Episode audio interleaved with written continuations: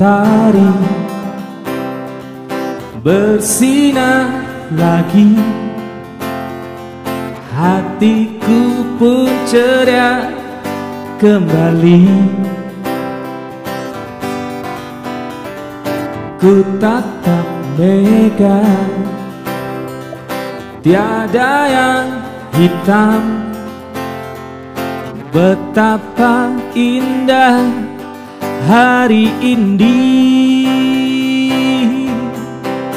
Ku menanti seorang kekasih Yang tercantik yang datang di hari ini. Adakah dia akan selalu setia Bersanding hidup penuh pesona harapanku? Jangan kau tak menepati janji Datanglah dengan kasihmu. Andai kau tak datang kali ini Punah harapanku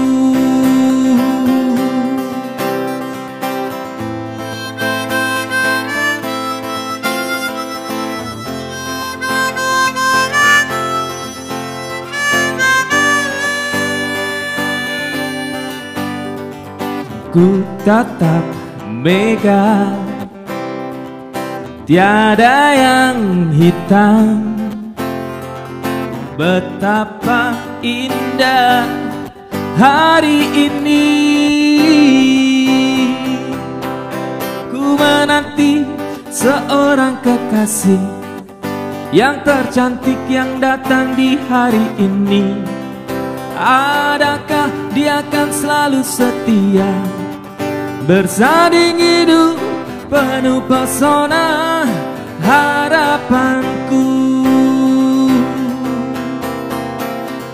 Jangan kau tak menepati janji Datanglah dengan kasihmu.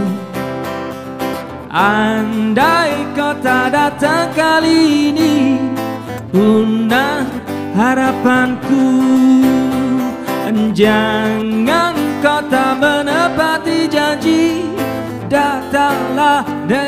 kasihmu. Andai kau tak datang kali ini Punah harapanku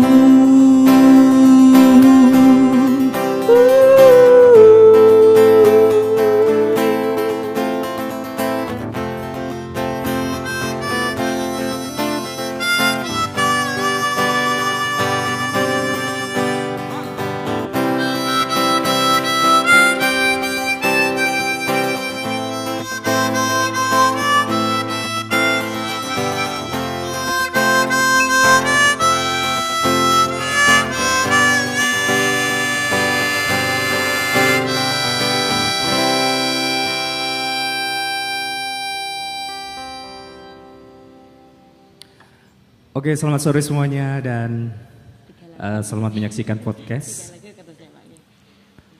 ngobrolin Jogja dan sesuai dengan satu tema lagu barusan uh, yang cocok buat dinikmati sore hari ya. Kebetulan juga cuacanya lagi cantik-cantiknya ini Yogyakarta.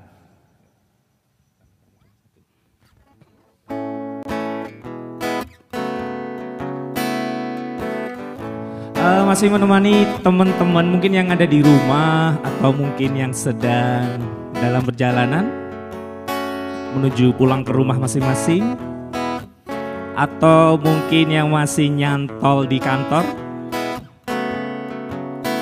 Pokoknya apa pun yang sedang uh, dilakukan hari ini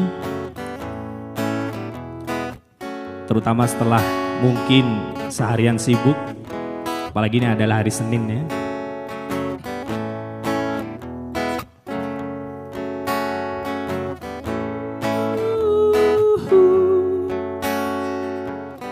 Kau yang paling setia. Kau yang teristimewa. Kau yang aku cinta.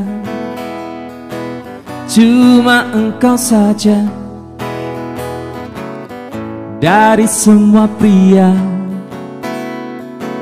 Aku yang juara. Dari semua wanita. Kau yang paling sejiwa. Denganmu semua air mata. Menjadi tawa sukaria. Akankah kau selalu ada menemani dalam suka duka Denganmu aku bahagia. Denganmu semua ceria. Janganlah kau berpaling dariku Karena kamu cuma satu untukku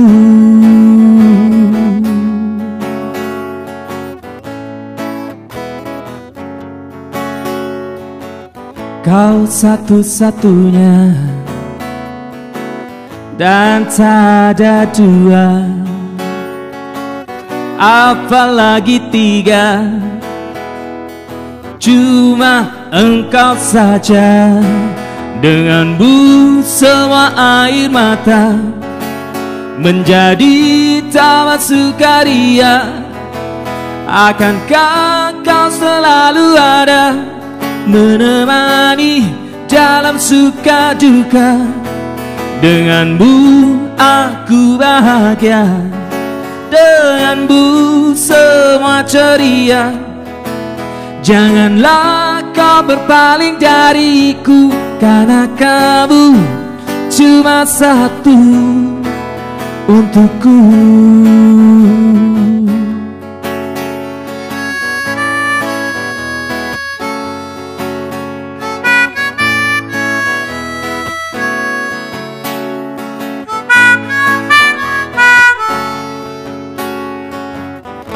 Kau satu-satunya.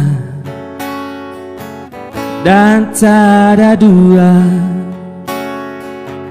Apalagi tiga. Cuma engkau saja. Dari semua pria Aku yang juara. Dari semua wanita Kau yang paling sejiwa Denganmu sama air mata Menjadi tawa sukaria. Akankah kau selalu ada Menemani dalam suka duka? Denganmu aku bahagia Denganmu semua ceria Akanlah kau berpaling dariku Karena kamu cuma satu Untukku. Untukku.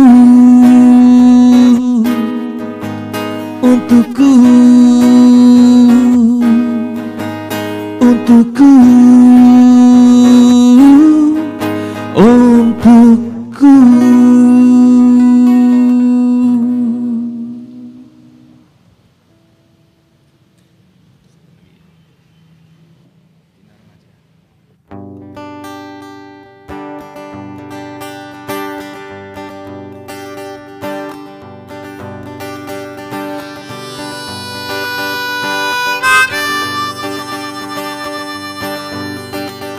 Satu lagu dari kami berjudul Cinta Remaja.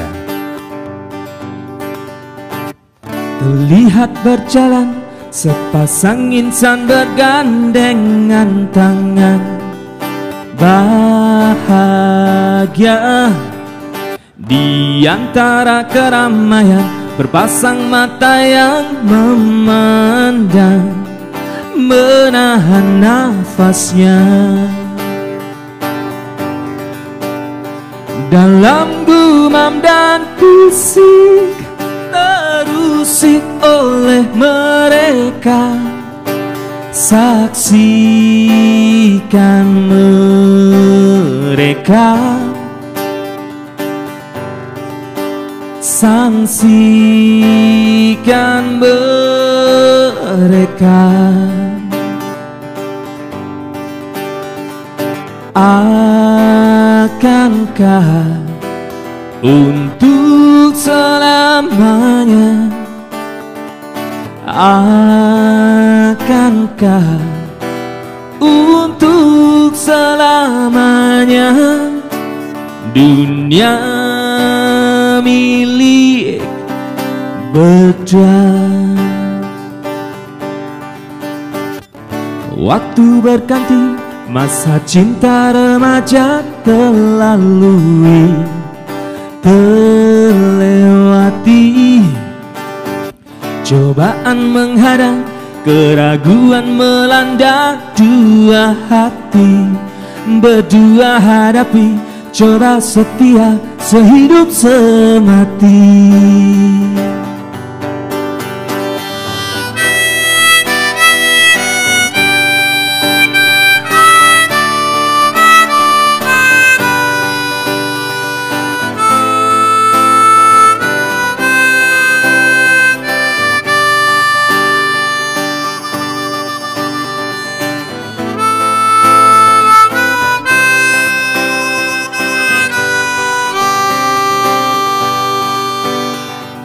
Akankah untuk selamanya? Akankah untuk selamanya? Dunia milik berdua Dunia berjuang. Waktu berjalan Sepasang insan bergandengan tangan. Bahagia.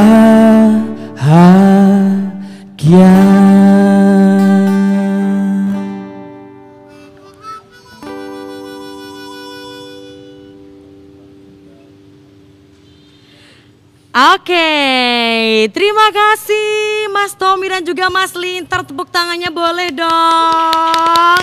Luar biasa ya ini suaranya Mas Tommy sore hari ini bikin anginnya spoi-spoi jadi uh, menikmati sore hari di Yogyakarta bareng sama Mas Lintar. Thank you Mas Tommy.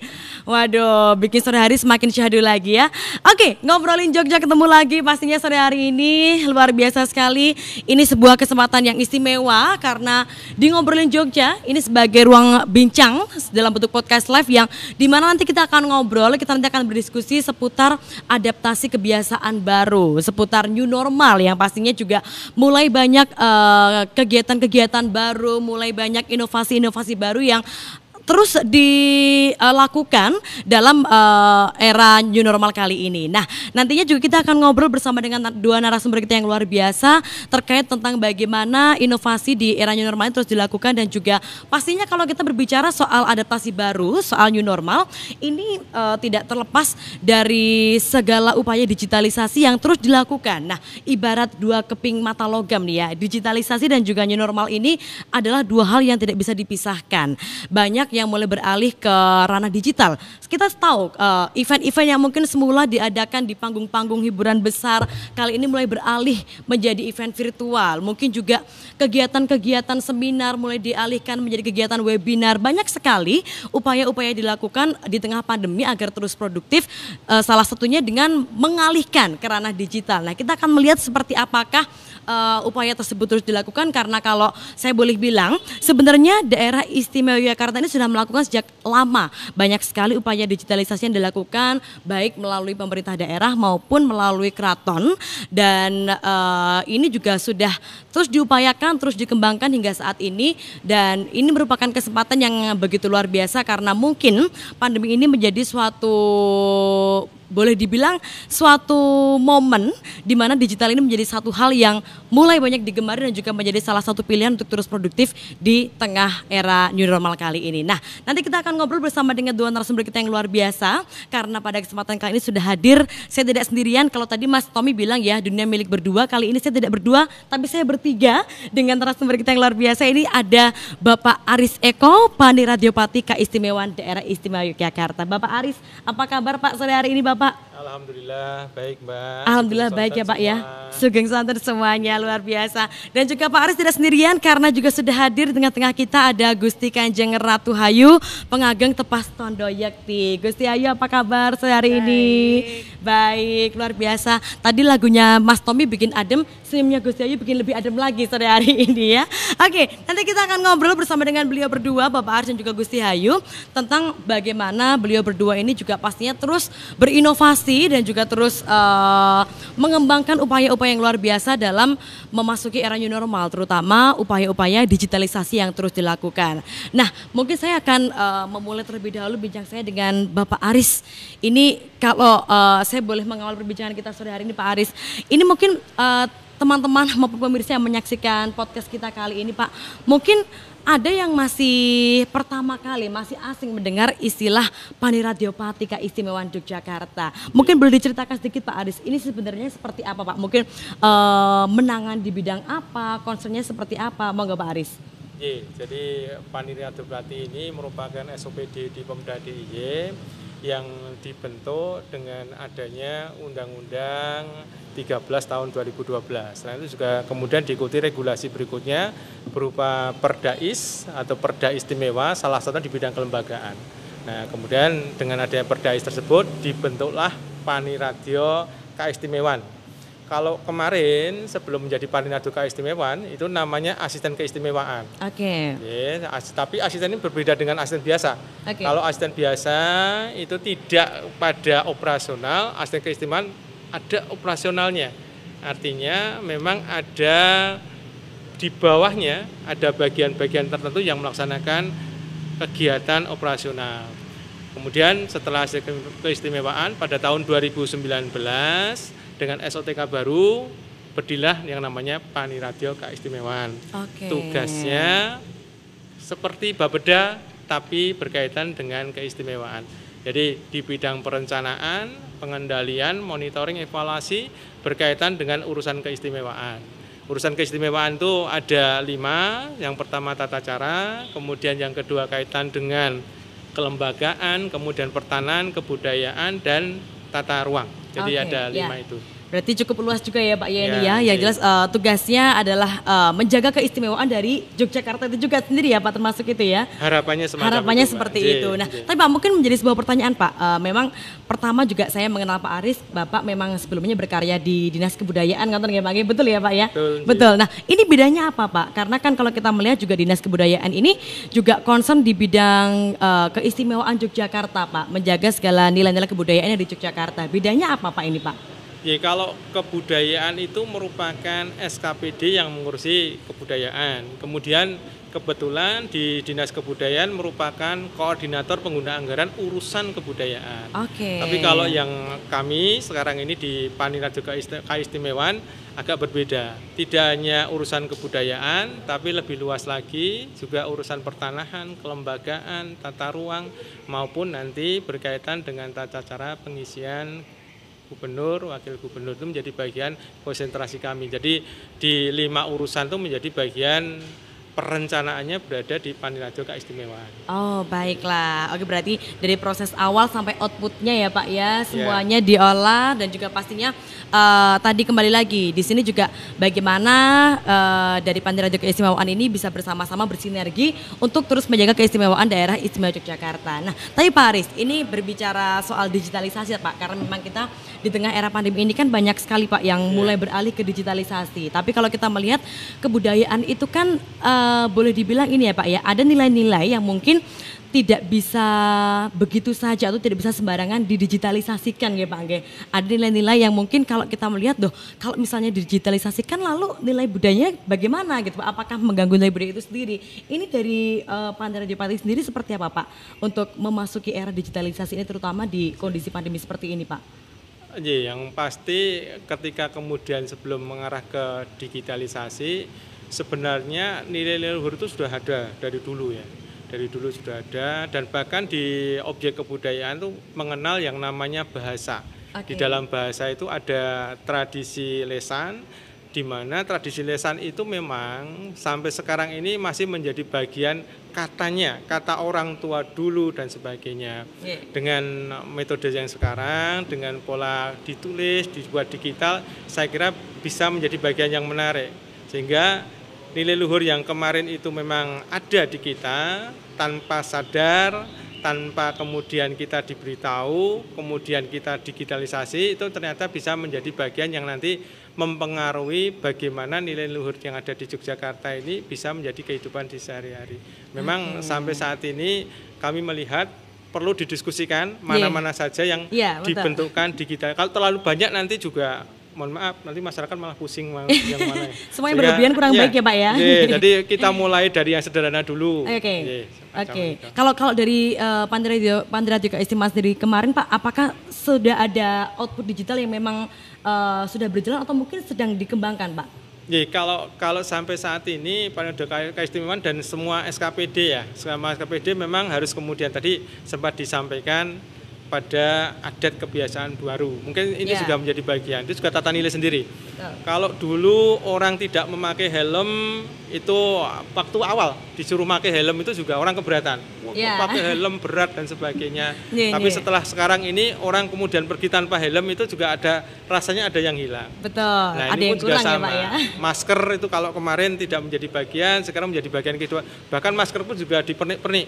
Ada yang dibuat sesuai wajahnya. Ada, ada kemudian ya, Pak ya. Ada fashionnya. Ada yang matching sama belangko. Ya, ada matching dengan belangkonya. betul, betul, betul. jadi bagian. Artinya memang uh, kita tidak boleh kemudian uh, mengatakan bahwa hal yang sekarang ada kekinian itu menjadi bagian penghambat. Tapi bagaimana cara kita untuk bersama-sama tentu saja mensikapi kekinian ini bukan sebagai hambatan tapi merupakan sesuatu produk baru. Oke. Okay. Berarti kuncinya adalah kolaborasi ya Pak ya, ya. gimana bisa yeah. menyatukan antara budaya dan juga digitalisasi ini uh, menjadi suatu inovasi baru yang mungkin juga uh, boleh dibilang bisa dinikmati oleh lebih banyak orang lagi. Betul, Jadi bagaimana caranya tanpa menghilangkan nilai-nilai budaya, nilai-nilai luhur yang sudah dijaga selama ini. Ngotot ya Pak? Yeah, yeah, nah, tapi Pak ada nggak sih Pak mungkin kesulitan-kesulitan uh, atau mungkin hambatan-hambatan yang dijumpai ketika mentransformasikan uh, nilai-nilai kebudayaan tersebut dalam bentuk digital, Pak. Karena tadi yeah. yang seperti saya bilang tadi ya, Pak ya, kalau budaya itu kan mungkin kalau kita mendigitalisasikan uh, film gitu ya lebih gampang ya, Pak ya, atau mendigitalisasikan event itu mungkin uh, lebih cenderung lebih mudah. Tapi ini kan budaya ya, Pak ya, ada sesuatu yang harus dijaga di dalamnya. Pripun ini, Pak? Jadi memang nggak mudah nih, artinya nggak mudah itu kalau untuk ngubahnya dari tidak digital menjadi digital mungkin lebih mudah. Ya. Artinya asal ada tenaganya, asal ada bahannya. Secara teknis ya, Pak ya. Mudah. Tapi yang menjadi bagian yang tidak mudah itu bagaimana karena kami kan pemerintah daerah, mohon maaf. Iya. Pemerintah yeah. daerah itu kan semua urusan mesti dengan anggaran ketika semua kita berurusan dengan anggaran mesti berkaitan dengan pertanggungjawaban. Nah, Betul. ini yang saya bilang tidak mudah. Karena walaupun kemudian diarahkan ke digital, pertanggungjawabannya itu masih seperti biasa. Ya. Jadi misalnya saja ketika ya. event-event ya. itu ya, event-eventnya itu kalau kami secara sederhana mengatakan, event sekarang dengan kemarin bedanya apa? Sederhana bedanya. Kalau kemarin itu penontonnya boleh bebas dan sebagainya, okay. cipika-cipiki silahkan, kasarannya semacam itu. Kalau sekarang nir penonton atau penonton terbatas. Tapi Betul. masalahnya bukan itu.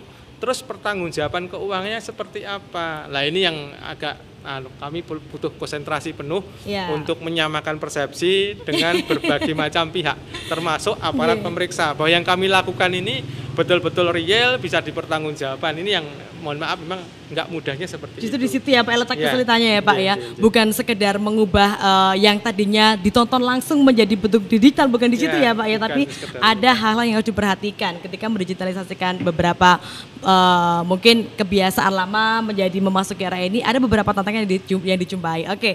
Dan ini juga pastinya juga menjadi tantangan bersama ya Pak ya ketika uh, memasuki era new normal ini semua menjadi digitalisasi tapi kita semua yakin bisa dikolaborasikan, bisa disatukan menjadi sebuah inovasi yang pastinya bisa kita nikmati bersama. Oke.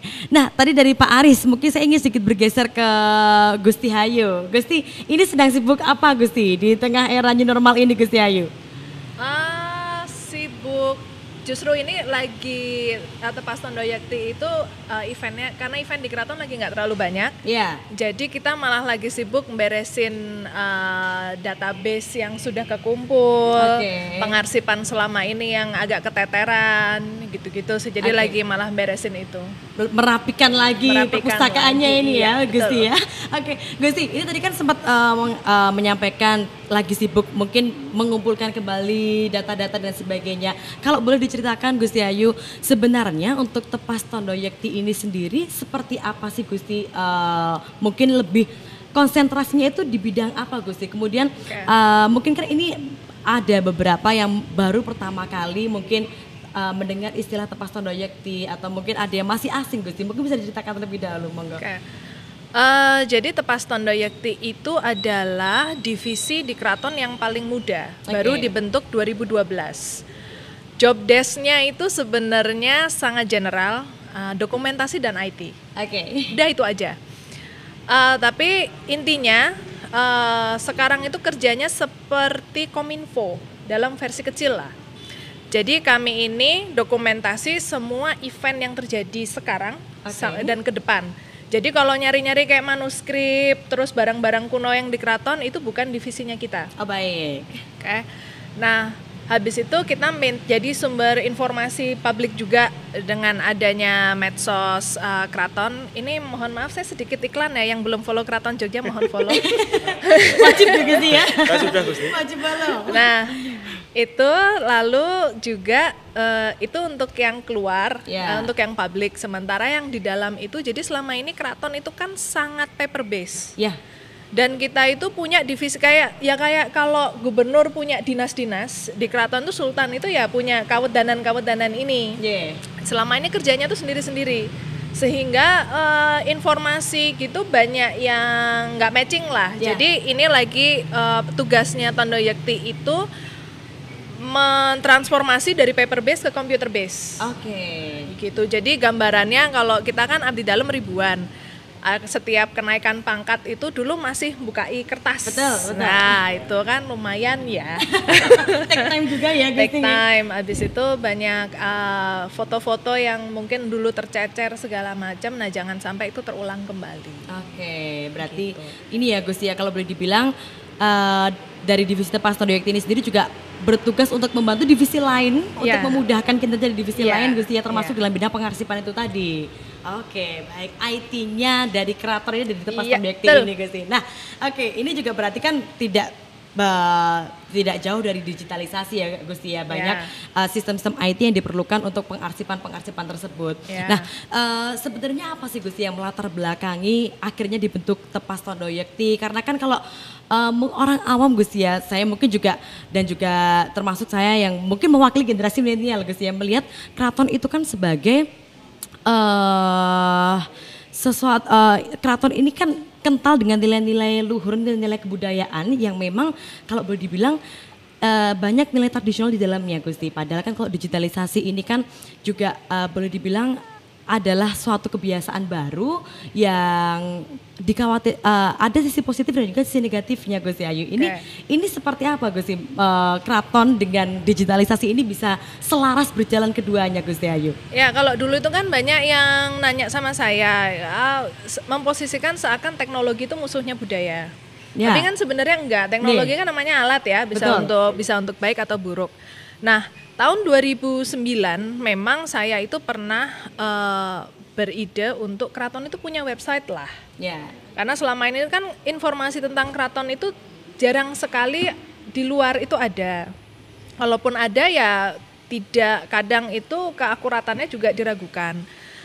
Tapi waktu itu eh saya kurang tahu ya. Jadi mm, dulu itu banyak resistensi dari yang sepuh-sepuh karena eh, mungkin waktu itu alasannya adalah kalau keraton punya website itu nanti derajatnya turun. Oh, malah justru ada Begitu. pemikiran seperti itu ya Gusti?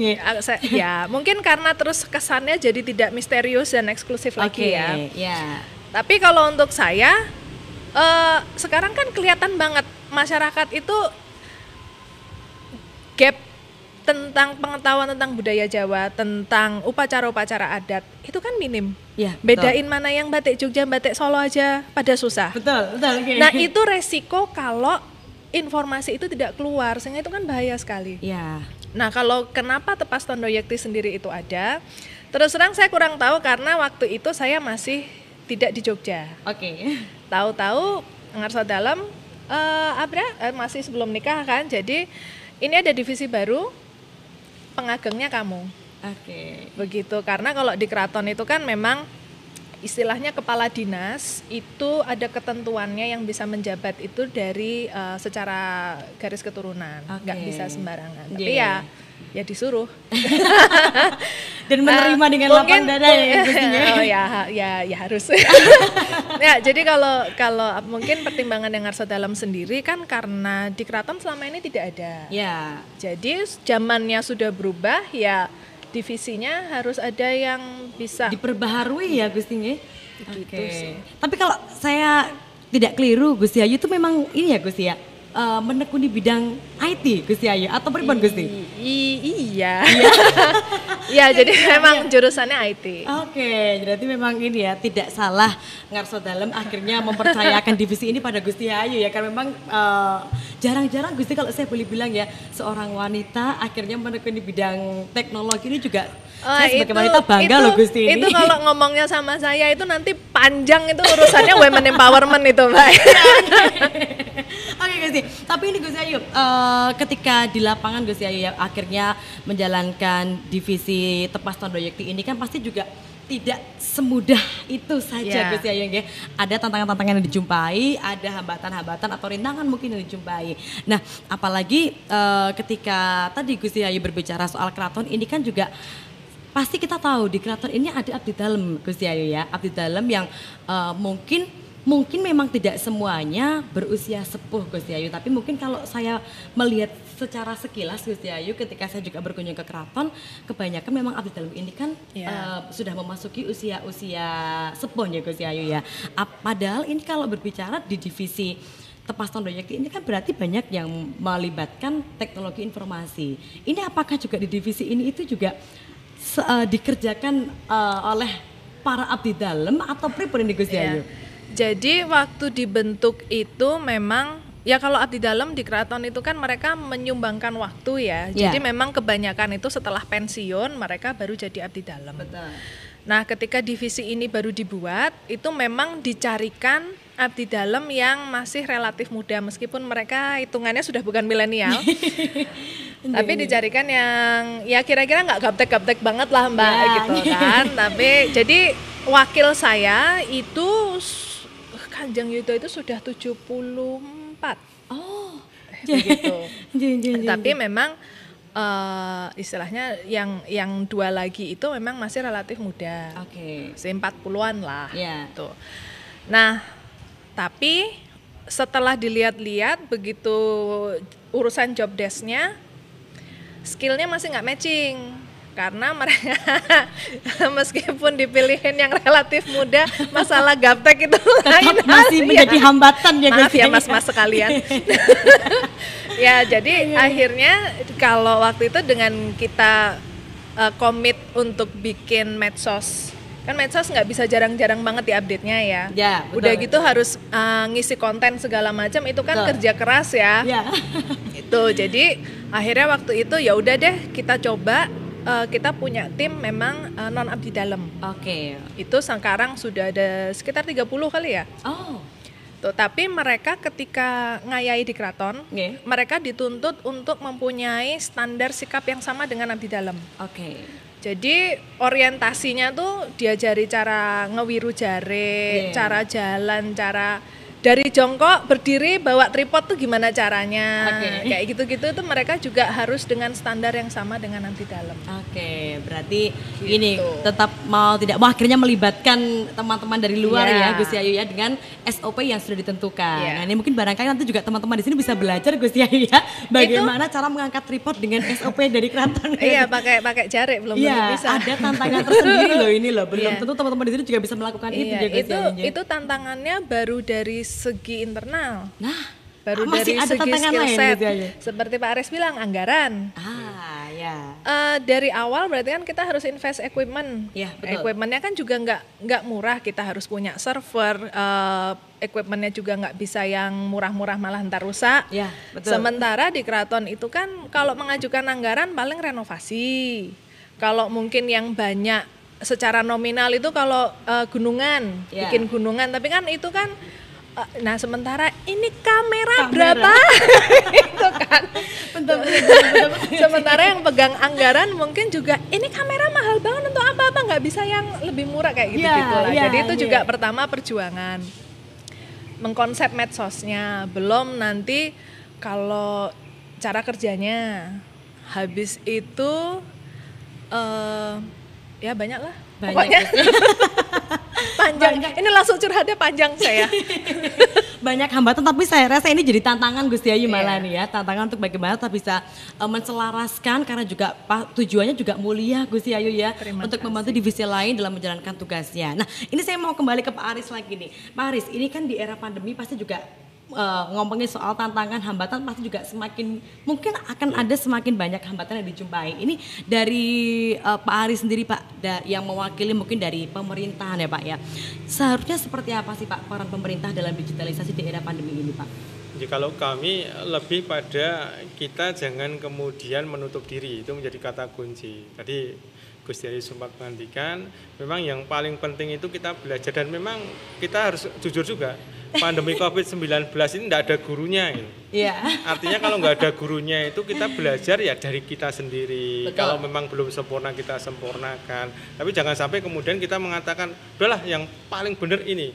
Ini menjadi bagian kata kunci yang menurut saya yang kurang tepat. Iya. Sehingga paling tidak ya kita belajar dari yang sudah ada, kemudian kita sempurnakan. Kalau belum tepat kita bagaimana cara kita melihat.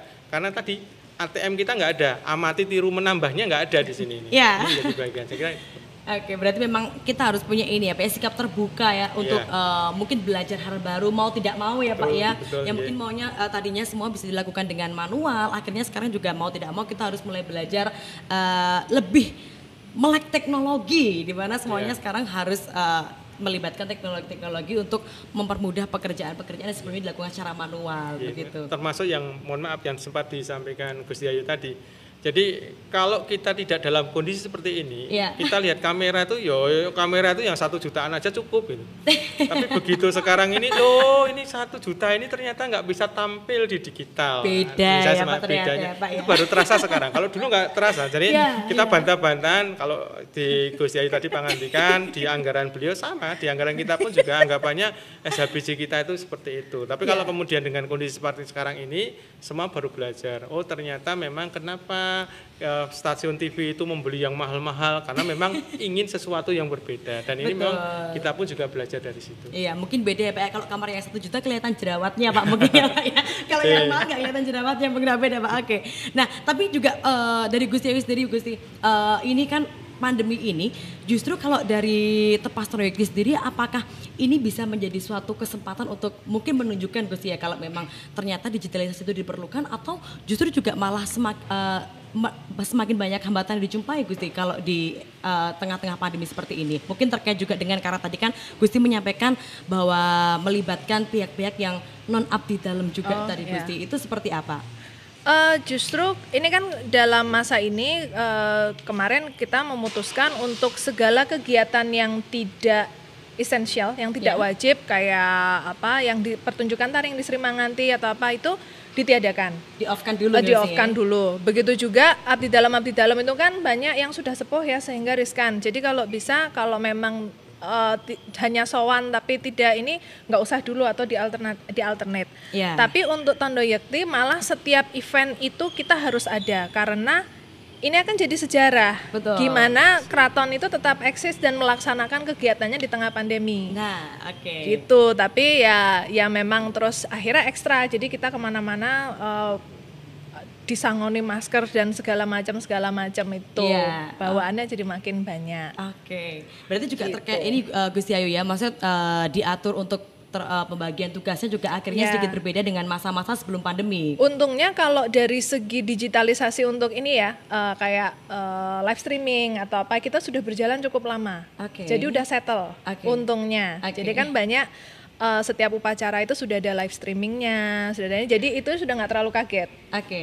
Itu cuma tinggal pembagian tugasnya ini aja yang Oke. Nah, Gus eh, mungkin ini ya Gus eh, terkait dengan digitalisasi ini kan berarti outputnya juga pada akhirnya nanti kan supaya masyarakat bisa mendapatkan informasi terkait dengan yang digital yang didigitalisasikan tadi ya Gus Yayu. Nah, eh, kalau selain dari Instagram Keraton Jogja tadi Gus Yayu, Oke. kira-kira mungkin masyarakat ini bisa melihat uh, apa yang ada di balik keraton mungkin Gus Yayu ya, atau mungkin bisa melihat apa yang didigitalisasikan ini melalui apa Gus Yayu? Oke, Eh, mungkin ini dulu. se- jadi kerjaannya Tondo Yakti itu ada yang untuk umum dan ada yang tidak. Oke.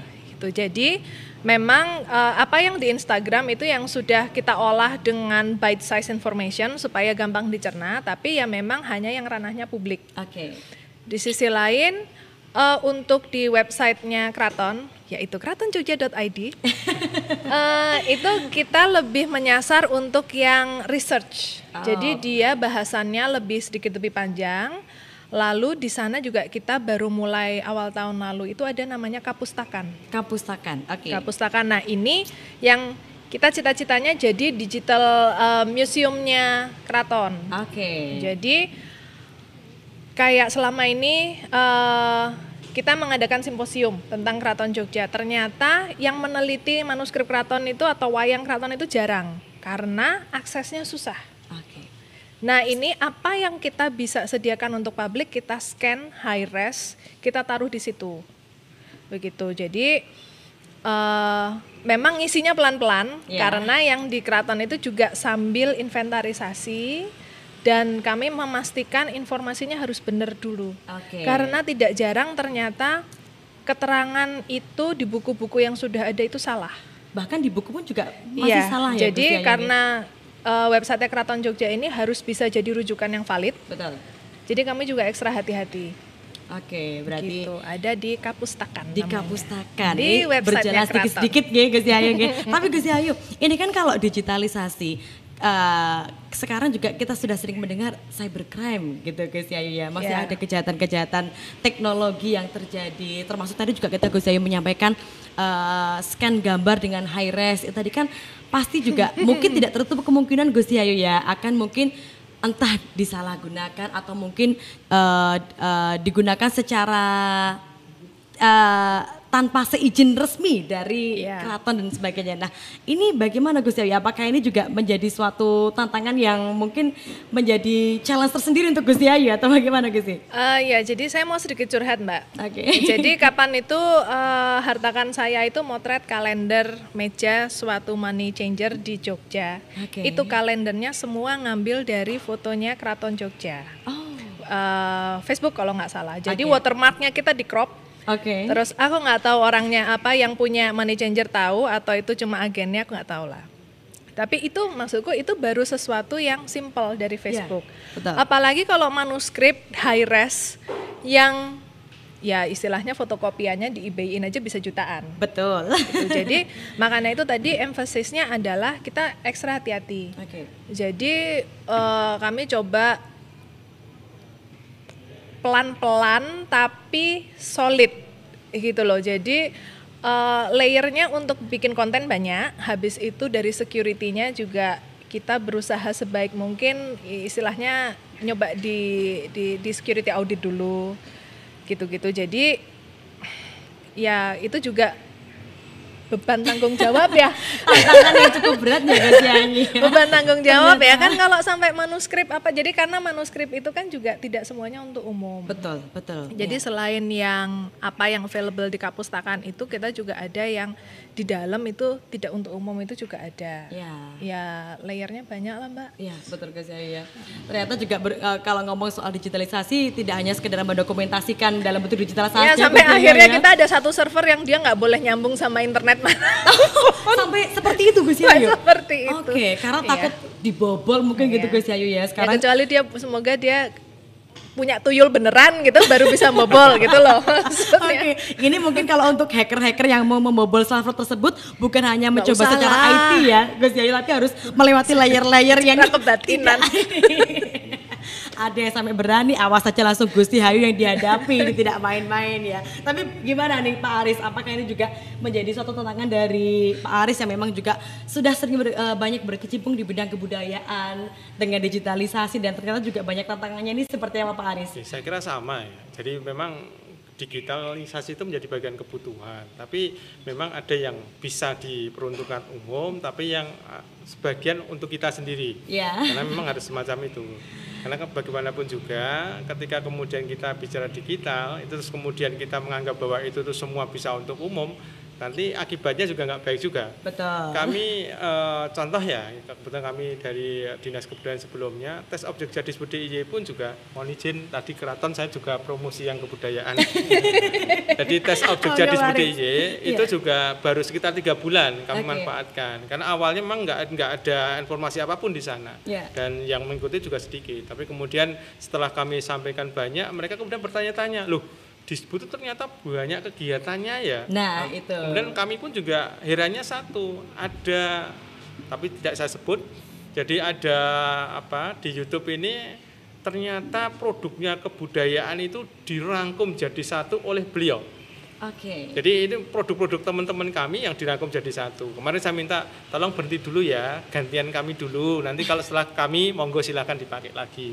Karena kebetulan ya itu artinya apa? Artinya ternyata memang sangat dibutuhkan proses digitalisasi kemudian proses publikasi kepada masyarakat. Betul. Apalagi ketika kita di pemerintah itu kan selalu dituntut danais berada di mana. Nah, kami nggak bisa cerita, tapi dengan sekarang ini kami sedikit banyak bisa cerita. Ini loh, dana is itu bisa untuk kegiatan tutorial macam-macam, kaitan pemulihan ekonomi. Kami Ya. pun juga ada yang kaitan dengan Nyun Sewu, kemudian ada kegiatan untuk layanan masyarakat, juga ada semacam produk-produk eh, film pendek dan sebagainya, kangen sekolah mungkin. Terus kemudian juga ada kangen seni, misalnya semacam itu. Ya. Ini gantian promosi Nyun Sewu.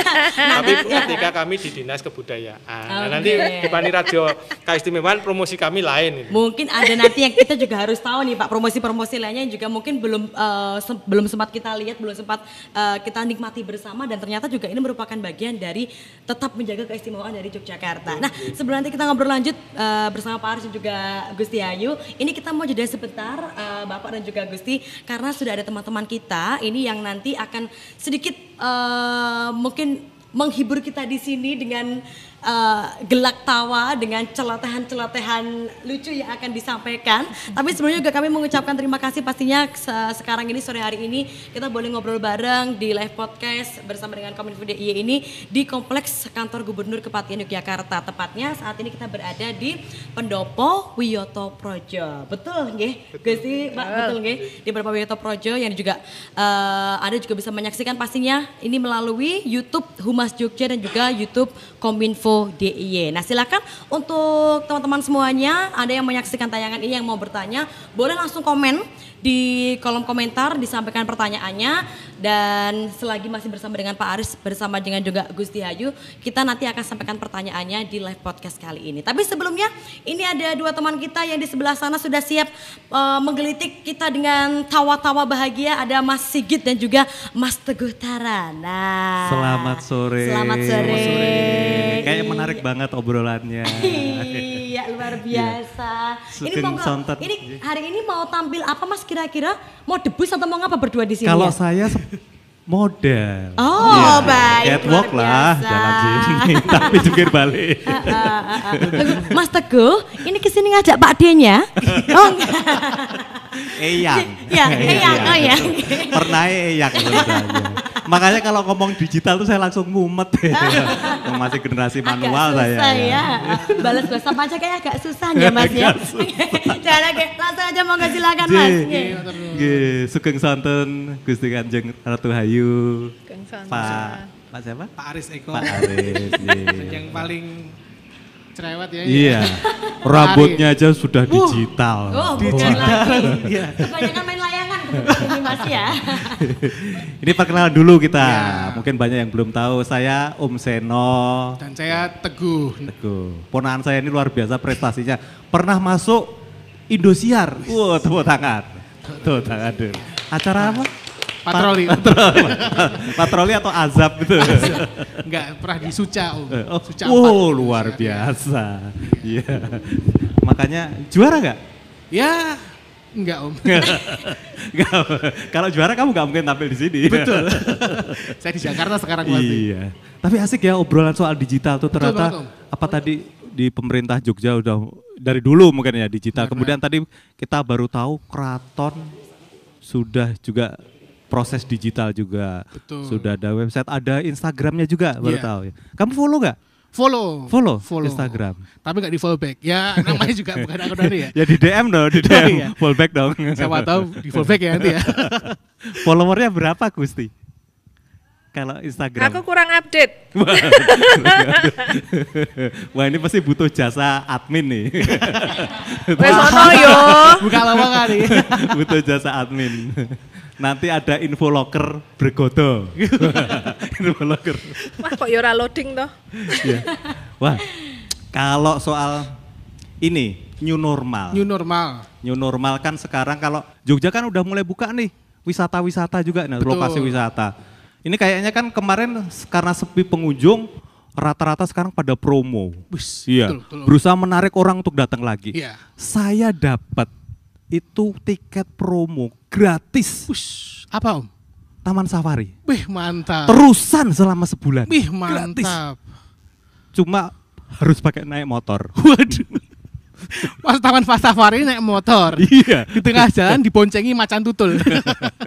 Gak apa-apa langsung. bahaya. bahaya. Iya. Tapi saya juga om, alhamdulillah. Kemarin dapat voucher menginap tiga hari dua malam Tiga hari dua malam? Iya. Hotel mana? Di Gua Pindul. Waduh, kok gua pindah. Tapi enak loh, lumayan. Basah, nggak Basah, panas. Iya, seger. Iya. Tiga hari Iya. pulang-pulang paru-paru Ya. basah. Ya. Eh, digital tuh ada sisi baiknya, ada sisi jeleknya juga. Betul. Bener ya? Iya kan? Betul. Sekarang banyak banget penipuan lewat digital juga. Itu dia. Pernah ngalami nggak? Pernah. Ya. Saya pernah dapat WA. Anda menang undian Wih, 10 juta. Wis. Wah. Terus suruh transfer ke nomor tertentu gitu kan. itu penipuan. Ya. Dan langsung harus ngasih tahu ke orang itu. Kita semua tahu pasti itu penipuan Loh, gitu. saya tahu. Kalau itu tim penipuan tuh saya tahu, Iyalah. tahu banget saya kalau itu Iyalah. penipuan. Heeh. saya tahu makanya oh, saya nggak bodoh kok. Saya tahu kalau kayak gitu penipuan. Dan pasti nggak ditransfer om. saya transfer. Lah, gimana? Saya transfer tapi nggak ngomong sama orangnya. Berarti Nggak ya- ngabari. Ya. Gak ngabari. Berarti penipunya nggak dibalas saja sama om. Enggak, enggak usah enggak ngabarin. Tapi saya, transfer. Saya, saya transfer 10 juta tapi enggak ngabarin. Itu kan saya ngasih PHP ke penipunya. Biar dia nunggu-nunggu tuh. itu cara kerjain Nunggu-nunggu penipu ya. tapi mah, uangnya masuk Iya, sana om. enggak, enggak apa-apa. Wong saya orang kaya. Wis, ya. mantap, sodako. Anggap aja sodako sama Sodako. penipu ya ta? Iya, iya, iya, iya. Saya juga pernah om. Kamu nipu? Dapat SMS. Oh, saya kira kamu pernah Bukan, nipu. bukan. Iya, iya. Dapat SMS. SMS yang mama minta pulsa. Mama minta pulsa. Wah. Mama pembok iki sing tenan. Mbok D. Iya. Ibu-ibu. Ibu ya. Ibu, Ada yang SMS masuk, tolong dong nak ibu di polsek ibu di polsek. kirim S oh, kirim kirimin pulsa sekarang. Mungkin puluhan dia. Mungkin Oh, puluhan. Iya. Nah, karena saya tuh tahu ini tahu- saya tahu ini penipuan pasti. Biasanya penipuan, biasanya Tapi makanya saya harus hati-hati. Ya. ibu saya di rumah juga Tersentuh ya. tersentuh. Ya. Makanya saya kirimin paket kuota 15 GB. 15 giga kamu kirim. GB. Piro kuwi? Entak ya duitnya? Satu saya ketahui om. Satu saya ketahui. Kamu kirim sama orangnya gak jelas. Karena iba. Terus? Terus dia balesin. eh, Maaf mas, HP saya belum Android. waduh, waduh. Sia-sia. Tapi nggak 15 apa-apa. giga Ya. sia-sia. Siapa tahu itu beneran ibumu. Ya enggak nih om. Bu, deku. 150 ya 15 Betul. giga. Ya, Ada aduh ya. Kalau digital tuh bener-bener kebiasaan masyarakat berubah. Banget. Eh, kebiasaan kita juga berubah sih. Iya. Dulu kan kalau teman-teman zaman dulu ya ini yang tua-tua kan orang nyimpen foto pacarnya dalam dompet. Betul. Iya, bener gak? Iya. Sampai, wah sampai ber- sampai bertahun-tahun kadang-kadang kena hujan terus lengket, Iya. mukanya sampai sobek gitu kan. Ya, Jamur ya, kadang-kadang. ya, jamur ya Iya. kan kasihan. Ada loh zaman digital sekarang orang yang masih nyimpen foto pacarnya dalam dompet. Kuno. Kuno, ada Kuno teman saya ada kayak gitu. Masih ada, Om? Waduh, kamu tuh kuno banget toh. Kuno banget. Digital tuh harusnya nyimpen foto pacarnya dalam dompet. Wah, akhirnya dia, ya wes tak sinau sih. Wah, pakai pakai belajar. Akhirnya dia nyimpen foto pacarnya dalam dompet kan. Wah, akhirnya penasaran kan. Yang ngasih tahu kan saya. Iya. Nah, saya saya penasaran. Aku nonton loh, hasilnya piye koin apa nyimpen foto pacarmu dalam dompet? Dalam HP. Nah, eh da- dalam Dalam dalam, HP, HP. dalam HP. Wah. Wes tak simpen ning di dompet tuh. Eh, Ning simpen HP. ning HP gitu. Ning HP. Eh, terus HP-ne ning ndi? Ya iki tak lebokke dompet. Iya. Sinau bawa ke fotonya yang HP, tapi HP disimpan di dompet. Iya. Pernah punya pengalaman gitu ketemu orang-orang yang jadul gitu, kuno. Gimana Om ya? Saya tuh Hmm. eh, teman-teman saya, terus saya juga tuh sekarang tuh kan semua ke digital. Mm-mm. Terus yang susah tuh kalau saya tuh nggak susah ya, sinyal kan baik Jogja ya. Sinyal ya lumayan, kecuali daerah-daerah tertentu ya mungkin Iya. ya. Ha. Permasalahannya itu di daerah timur. saya Daerah- baca berita daerah nih, tim- Indonesia Timur, Indonesia daerah Timur. ya. itu sinyal susah. Sinyal susah ya. Ada berita kades dua jam di atas pohon. Dua jam di atas pohon. Wah, malah koyo munyuk. Bukan, bukan. Di gondol WW. Enggak, nyari sinyal. Nyari sinyal. Dua atas- jam nyari sinyal di atas Eh. pohon om. Ketemu nggak? Ya ketemu, makanya dua jam di situ. Iya. Nah, masalahnya itu besok kalau kalau zaman zaman sekarang ini kan ada pohon gede ngomongnya, "Wah, ini ada hantunya." Heeh. Besok tuh berubah. Wah, ini pohonnya gede, banyak sinyalnya. Banyak sinyal. Wah. Dulu papa mama kalau SMS-an di atas. Manjat WC masuk SMS-an, tapi jejer. Jadi pohon yang monumental ya malah. Monumental Pohon dibuat. digital. Pohon digital. pohon digital. Nih, kalau saya ya dulu apa namanya? Kok dulu? Digital ini eh kamu pernah pakai Google Map gak? Wah, selalu. Ya, gitu. Kadang-kadang kan pakai Google Map itu kan nggak selalu menyenangkan ya. Kadang-kadang menjengkelkan juga. Karena Suaranya itu loh yang oh iya. turn left, turn turn right, gitu. Suara risih ya? Eh, suara risih kadang-kadang suaranya ya. Mbak Iya, Arin loh, ya, Iya? Iya. benar. Itu bantu banget loh. Sebenarnya gak bantu banget. Google Map itu enak. Kita nyari nyari alamat tertentu tuh pakai Google Map enak. Tapi Betul. suaranya tuh kadang-kadang ah nggak enak sih itu. Mau dipakai diganti bahasa Indonesia juga gengsi ya kan bahasa Gengsi. Inggris lebih bagus. Wes, turn left, turn left, turn left gitu kan. Iya. Nah, kadang-kadang saya pernah nyari jalan durian di kota Purwokerto. jalan Purwokerto. durian, jalan durian terus pertama pakai Google Map gitu kan, turn left, ya. lama-lama kok malas gitu suaranya, tak matiin Google Mapnya, Oh? Nah, tak matiin. Saya mending nanya ke orang di pinggir jalan gitu. Wah, Pak, jalan durian di mana ya Pak? Saya tanya gitu, diam aja Diam aja. diam aja.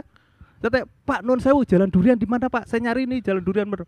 Diam aja. Tanya, Pak, tolong Pak tunjukin saya jalan durian di mana. Akhirnya bapak itu jawab, Wus.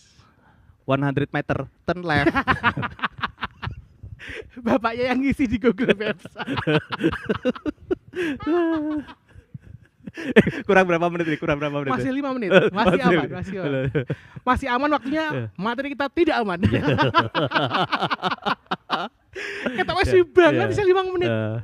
Aduh. ada lagi kamu cerita Ada lucu? lagi, ada lagi, kamu ada lagi, Ya. ada lagi. Ini kemarin BKKBN BKKBN. mengeluarkan data. Mm-mm. Selama pandemi kemarin itu selama pandemi kemarin Ah, ah. angka kehamilan naik drastis Di di Indonesia. Indonesia, Empat ratus ribu. di seluruh dunia, eh di negara-negara Oh, lain iya. kayaknya juga kayak gitu. Iya, sama. Om ya. Iya. Berarti W, WFH itu bukan work from home, Tapi week week from home. berhasil ya, berhasil, ya, berhasil. ya? Nah. berhasil, Terus- berhasil. Terus, terus apa yang kamu khawatirkan dari itu? Saya khawatir sama orang Indonesia, Om. Kenapa? Orang Indonesia kan suka yang aneh-aneh tuh. Heeh, Ini bakal nama-nama anaknya yang lahir tahun depan ini, heeh. ini pasti bakal aneh-aneh. Namanya. Misalnya, misalnya kayak Anton Rapid, tuh. Bagus ya. Joko Semprot. Terus sama mana? Didit, apa nama disinfektan, Wah. Supri berjemur. berjemur, Natasha Corona, Wah, Natasha Corona. Ria empon-empon. Ria empat-empat. Bahaya.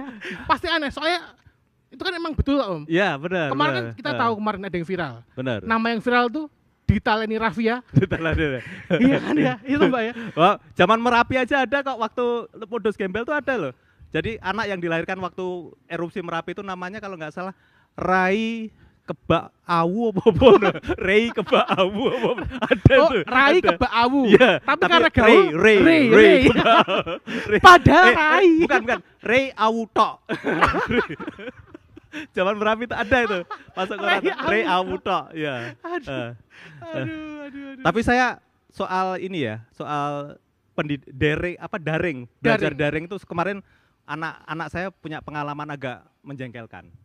Jadi saya eh, download aplikasi yang terkenal tuh Ruang apa?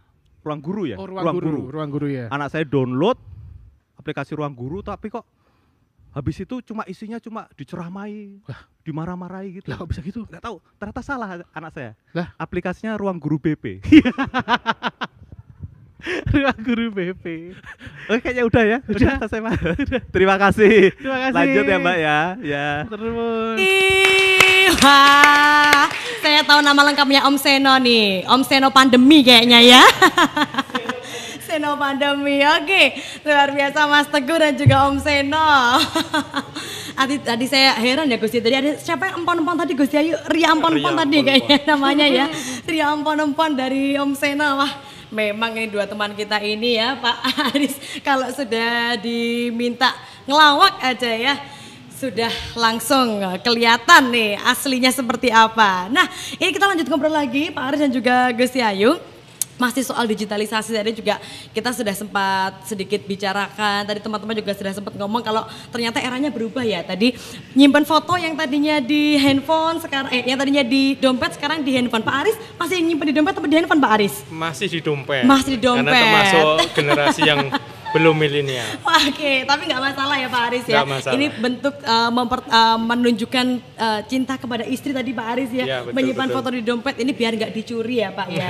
biar nggak dicuri kalau di dompet kan uh, tidak akan uh, nggak akan di ini nggak akan bisa dihack sama pihak-pihak yang tidak bertanggung jawab. Jadi sebenarnya di dompet gitu.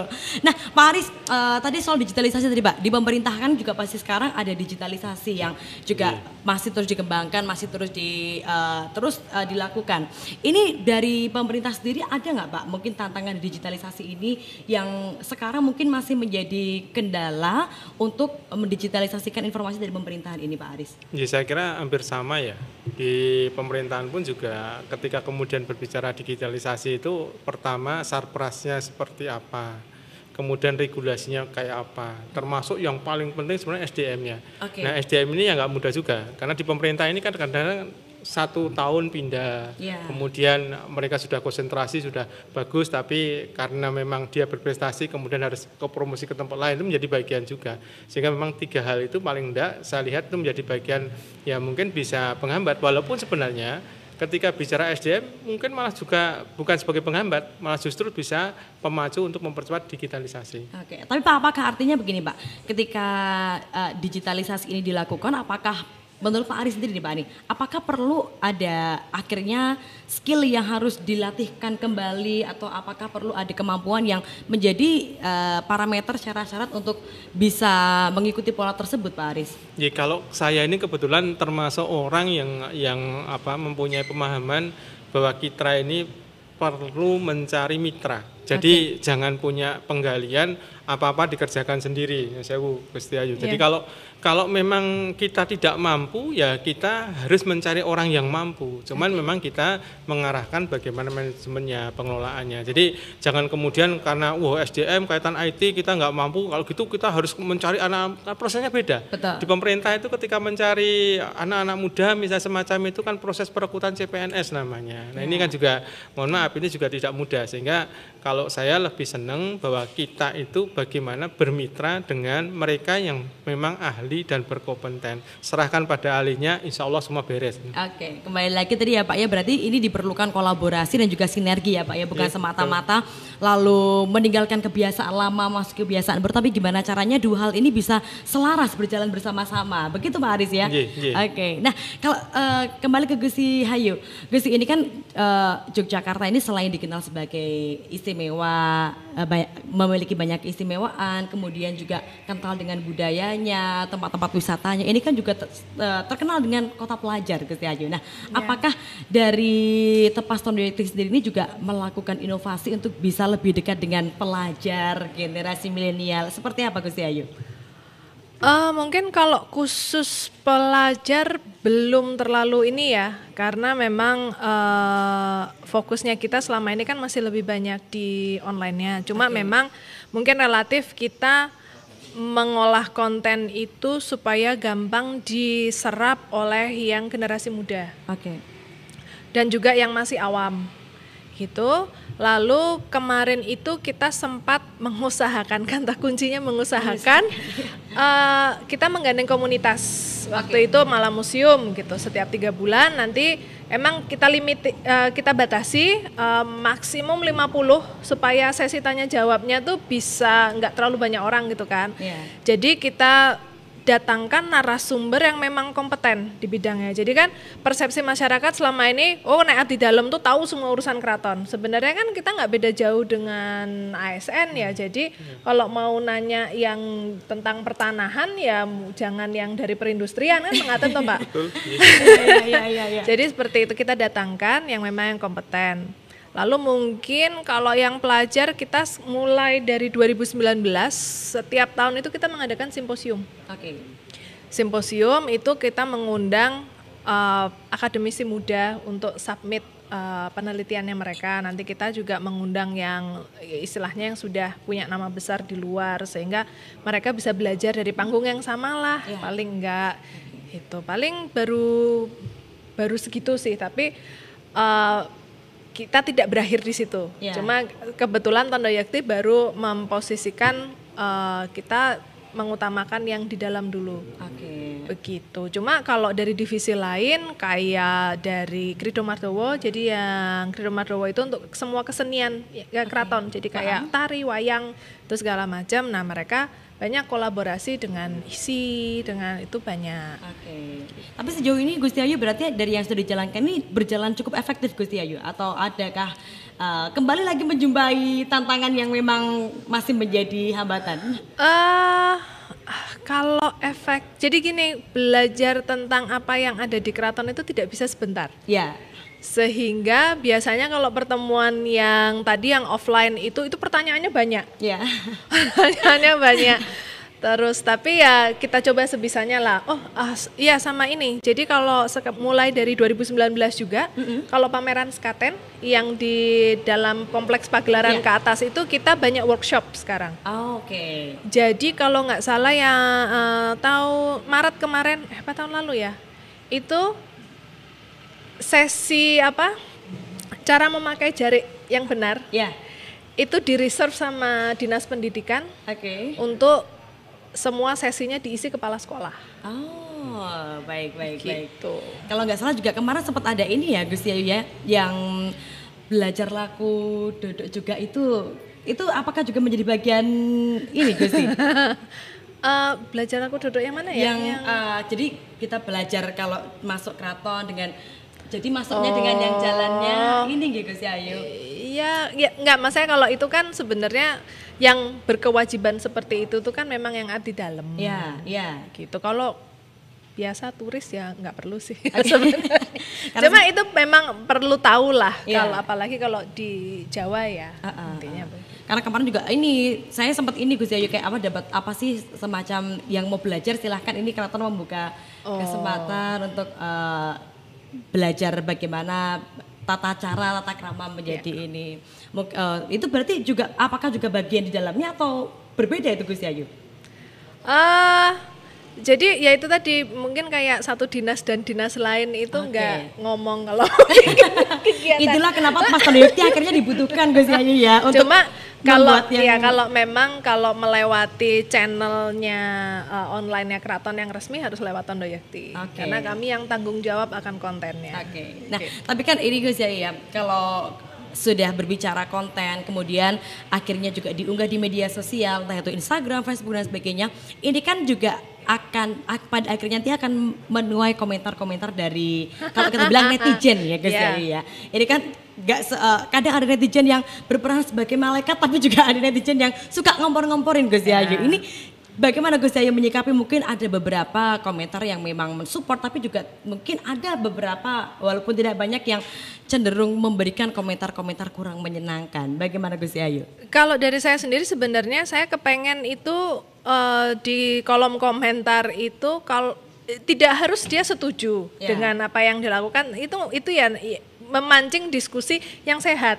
Tapi kalau yang sangat saya sayangkan itu biasanya ada yang memang sengaja memancing keributan. Ya. Dia ngomongnya kasar. Mungkin para netizen yang masih sayang dengan budaya Jawa dan segala macam tidak terima. Ya. Akhirnya si orang itu dikata-katain dengan kata-kata yang sama kasarnya. Itu yang saya sangat menyayangkan. Gitu loh. Sehingga kalau itu dibiarkan, nanti terus orang Jogja itu kasar. Ya. Jadi seperti itu padahal kan sebenarnya bisa cara menjawab yang baik itu tidak harus seperti itu kan menunjukkan kejogjaannya kan ya bisa. Betul. Biasanya kalau yang sudah mancing-mancing itu kan ke- kelihatan jelas lah mana yang mancing dan mana yang enggak. Itu Iya. biasanya kita delete sa- semua komentar di bawahnya. Oke. Gitu. Bukannya bermaksud menyensor yang apa eh, secara sepihak, cuma kalau diskusinya sehat oke. Oke. Gitu. Berarti menghindari pertikaian yang berkelanjutan Gus ya. Iya. Sebenarnya mungkin Kalau makin ma- masing-masing platform itu ada ciri khasnya kok. Ada yang banyak yang aneh itu yang di platform yang itu. Kalau yang banyak yang julid itu di platform yang sana itu Ya, ada sendiri. betul. Ya. sebenarnya mungkin kalau mungkin dari Gus Yayu sendiri atau mungkin dari tim Tepas Tondeki sendiri juga tidak masalah sebenarnya Gus Yayu tapi Ya. justru dari sesama netizen ini yang menjadi permasalahan Gus Iya. Yayu ya. Oke, nah tapi kalau dari Pak Aris, apakah juga sempat menjumpai komentar-komentar semacam itu Pak Aris? Karena kan juga tadi sempat menyampaikan akhirnya juga eh, berlari ke platform YouTube, kemudian juga konten-konten lainnya. Seperti apa Pak Aris? Di, kalau di pemerintah daerah itu juga hampir sama sih, ini seperti disampaikan oleh Gusti Ayu tadi. Cuman kalau kami sendiri itu menganggap kalau kemudian kritikannya itu pahit-pahit gitu kan seperti orang minum jamu. Semakin banyak kita minum jamu, kita akan semakin sehat. Tapi kalau terlalu banyak jamu mungkin bisa kita juga mendem sendiri ya. Iya. Tapi prinsip bahwa memang sarana kemudian kita publikasikan sesuatu lewat digitalisasi ini harapan kita kita dapat feedback. Ya. Feedbacknya ke arah penyempurnaan. Sehingga kalau memang ada yang belum tepat, kita berusaha untuk kemudian menyempurnakan. Dan kalaupun banyak yang tidak tahu, itulah sarana kami untuk kemudian menyampaikan sesuatu yang tidak diketahui oleh masyarakat. Oke. Cuman memang yang menjadi masalah kalau kemudian orang yang berkomentar itu sudah mempunyai niat yang tidak baik. Itu yang menjadi bagian yang tadi Sengaja disampaikan tadi ya, oleh ya, ya. yang sengaja tadi. Apalagi kemudian kalau kita di Yogyakarta ini ada nilai-nilai luhur yang harus menjadi bagian acuan, yaitu nilai yang dari keraton dan puro itu menjadi bagian.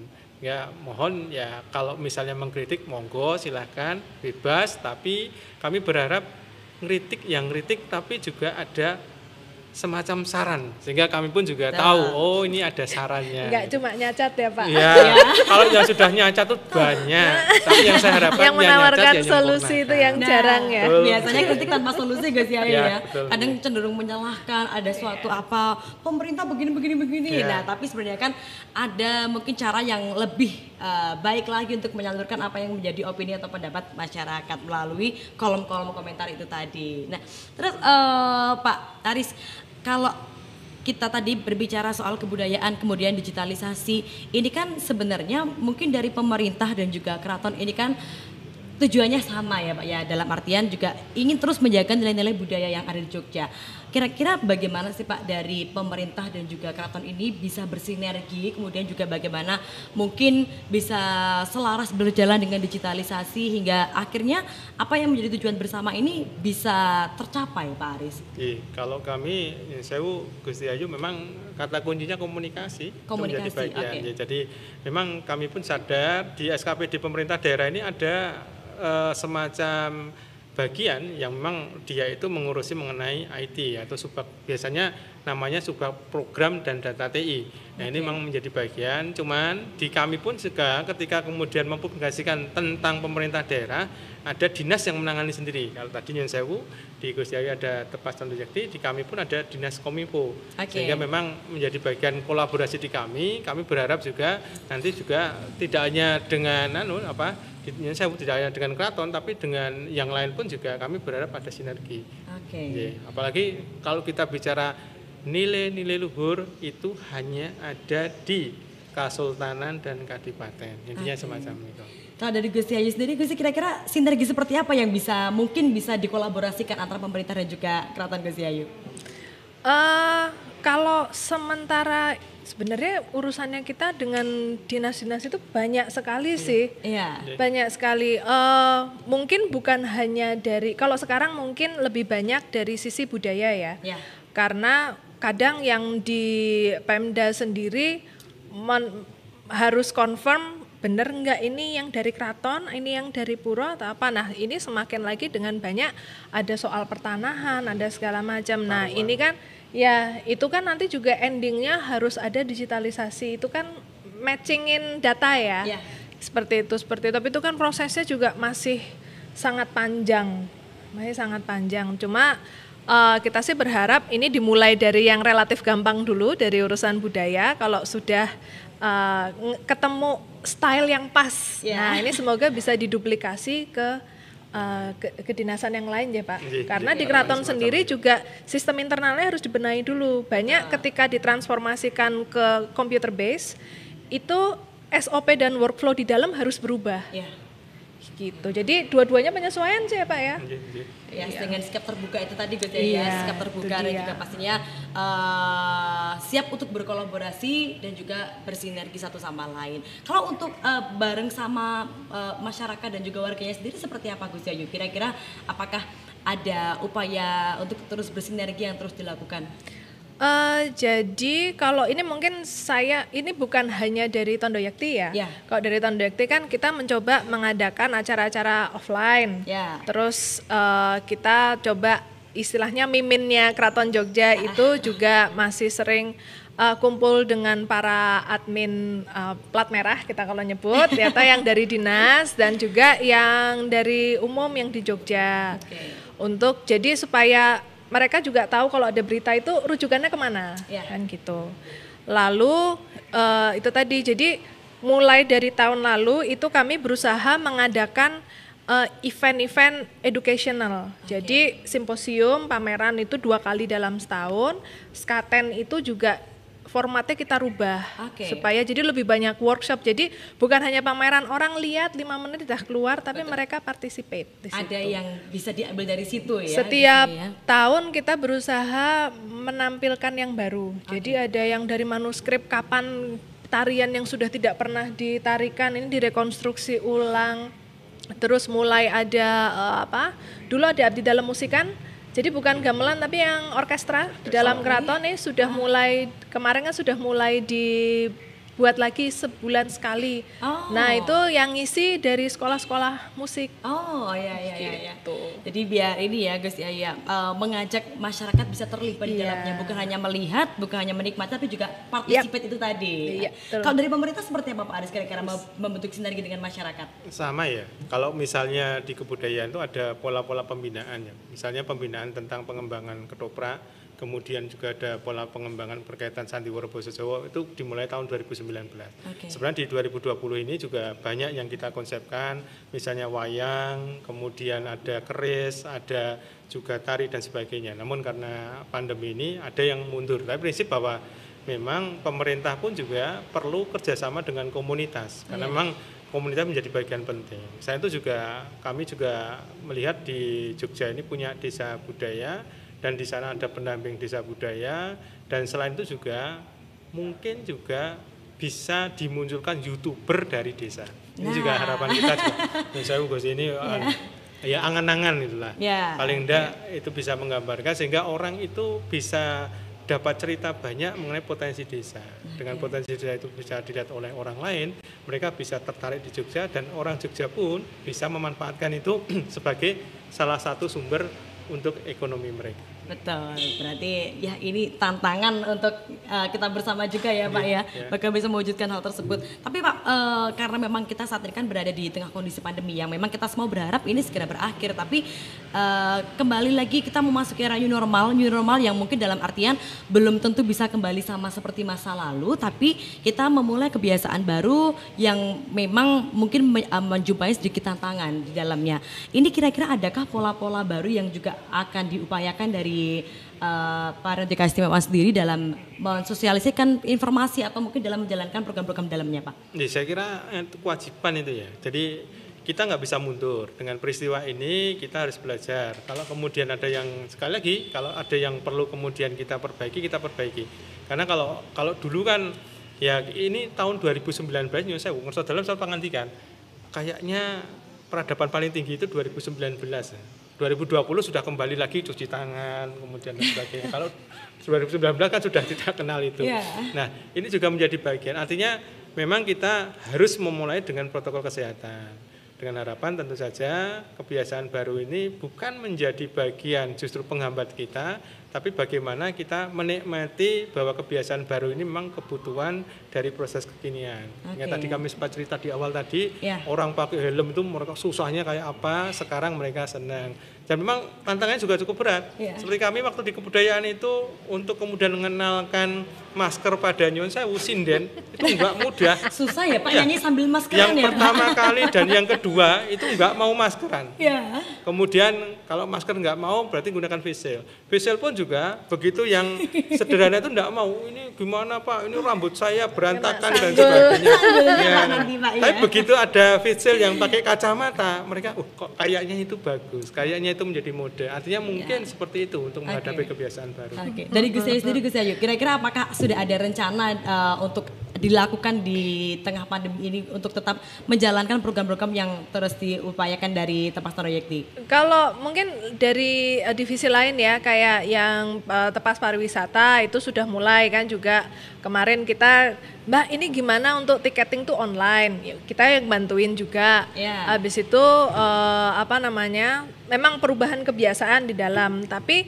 juga akhirnya nanti ketika ke depannya jadi misalnya kayak kemarin ger- gerebek gerebek untuk umum ditiadakan karena kita tidak kepingin ada eh, kumpulan massa. Tapi bukan berarti gunungannya sendiri ditiadakan. Oke. Bia- nah kemarin itu eh, ininya apa eh, ket- rengginangnya itu Uh-uh. tetap kita buat sejumlah banyaknya abdi dalam nah itu kita bagikan kepada semua abdi dalam dan abdi dalam prajurit Oh. mereka malah wah baru kali ini 40 tahun saya ikut di keraton saya baru kali ini Dapet dapat nih. karena mereka biasanya antara tidak ikut eh, mengarah gunungannya atau mereka tugas sebagai prajurit.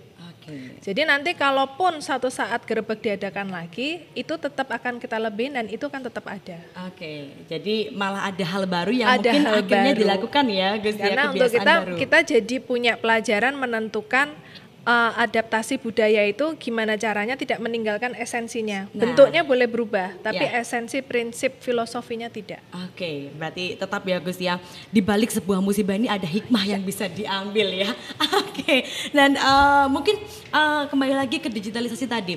Dari Pak Aris dulu mungkin Pak, kira-kira Pak harapannya seperti apa sih Pak warga masyarakat ini bisa juga mendukung upaya digitalisasi dari pemerintahan tanpa eh, meninggalkan nilai-nilai kebudayaan dan juga pastinya eh, tanpa mengesampingkan nilai-nilai Jogja yang tadi seperti Gus Yayu sampaikan ya, Jogja kan eh, terkenal dengan keramahannya, nilai-nilai budayanya. Kemudian bagaimana Pak kira-kira harapannya warga bisa menanggapi digitalisasi ini Pak? Ya harapan kami warga menyadari bahwa hal ini itu menjadi bagian kebutuhan kita.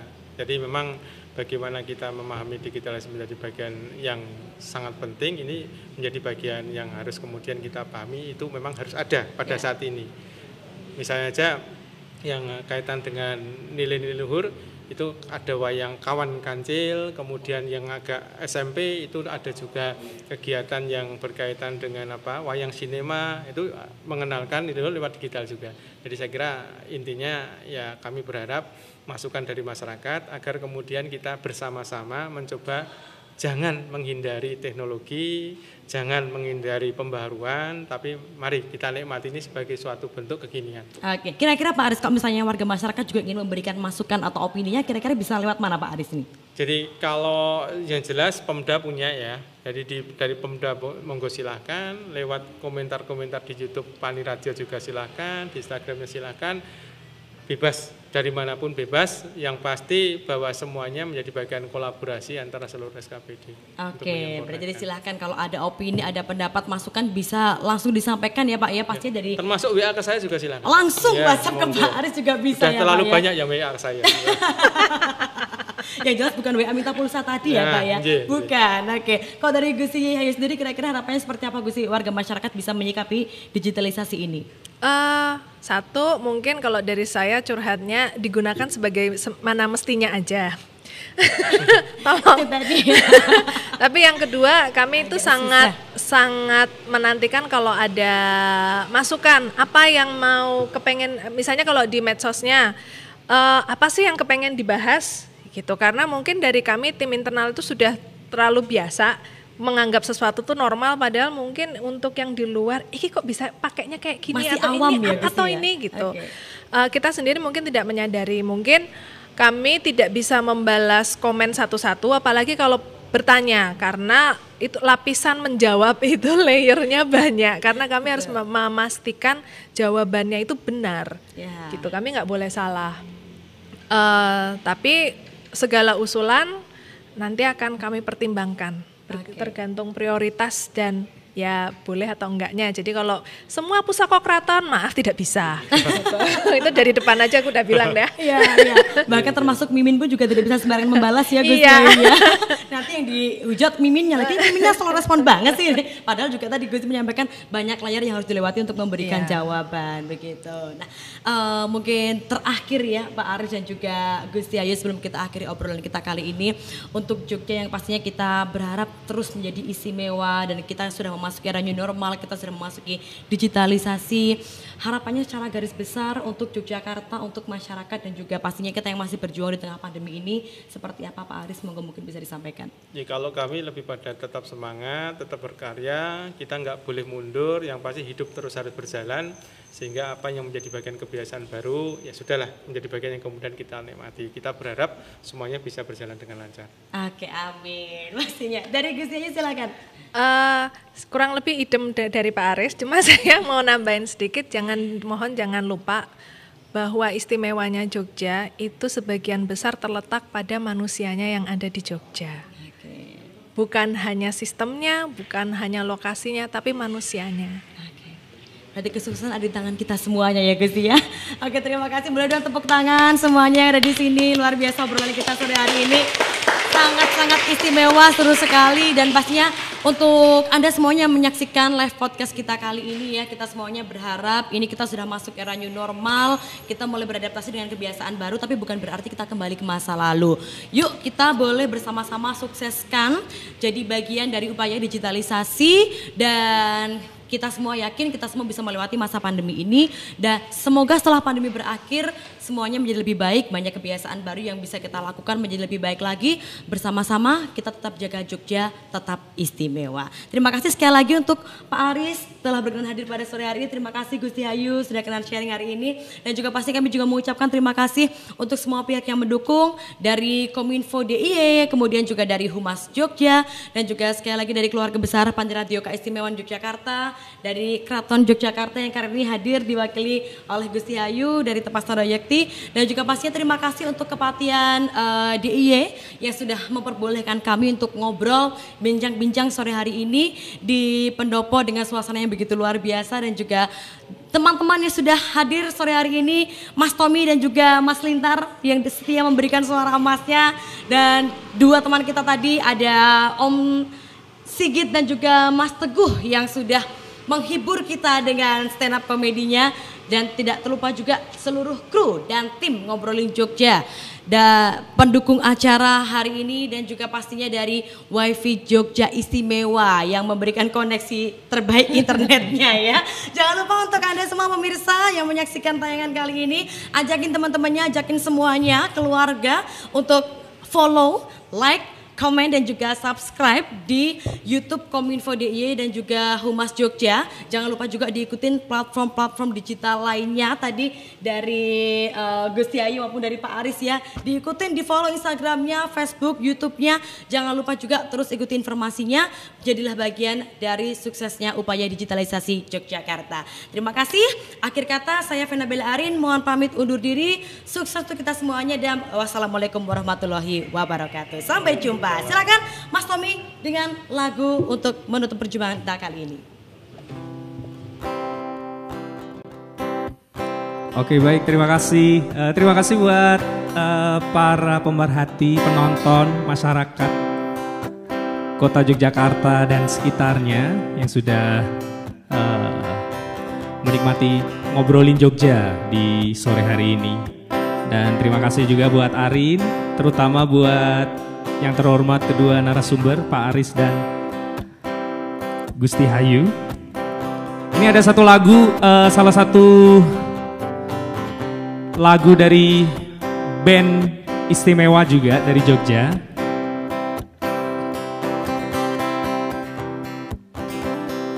Sambil menemani teman-teman yang ada di rumah, mungkin yang sedang perjalanan pulang sekali lagi.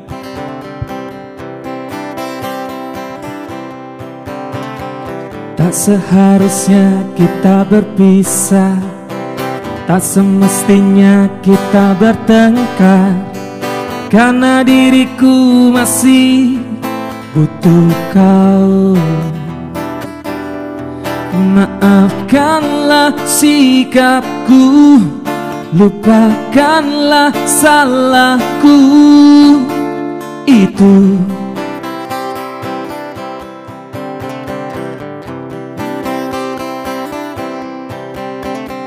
Terlalu bodoh untuk diriku. Menahan berat jutaan rindu Apalagi menahan egoku. Maafkanlah sikapku Lupakanlah salahku Luapkan kepadaku Takkan ku biarkan kau menangis. Takkan ku biarkan kau terkikis. Terluka perasaan Oleh semua ucapanku. Maafkanlah semua sikap kasarku. Bukan maksudku untuk melukaimu. Aku hanyalah orang yang penuh rasa cemburu. Bila kau tak di sampingku.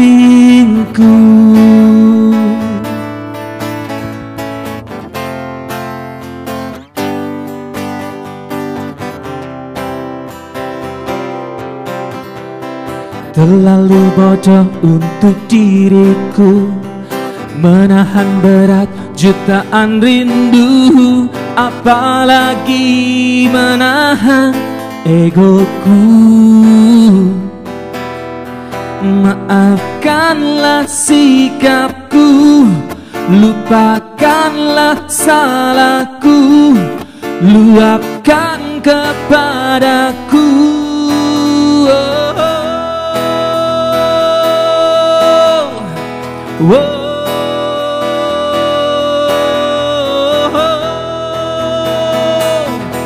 Takkan ku biarkan kau menangis. Takkan ku biarkan kau terkikis. Terluka perasaan Oleh semua ucapanku. Maafkanlah semua sifat kasarku. Bukan maksudku tuh melukaimu. Aku hanyalah orang yang penuh rasa cemburu. Bila kau tak di sampingku Bila kau tak di sampingku Bila kau tak di sampingku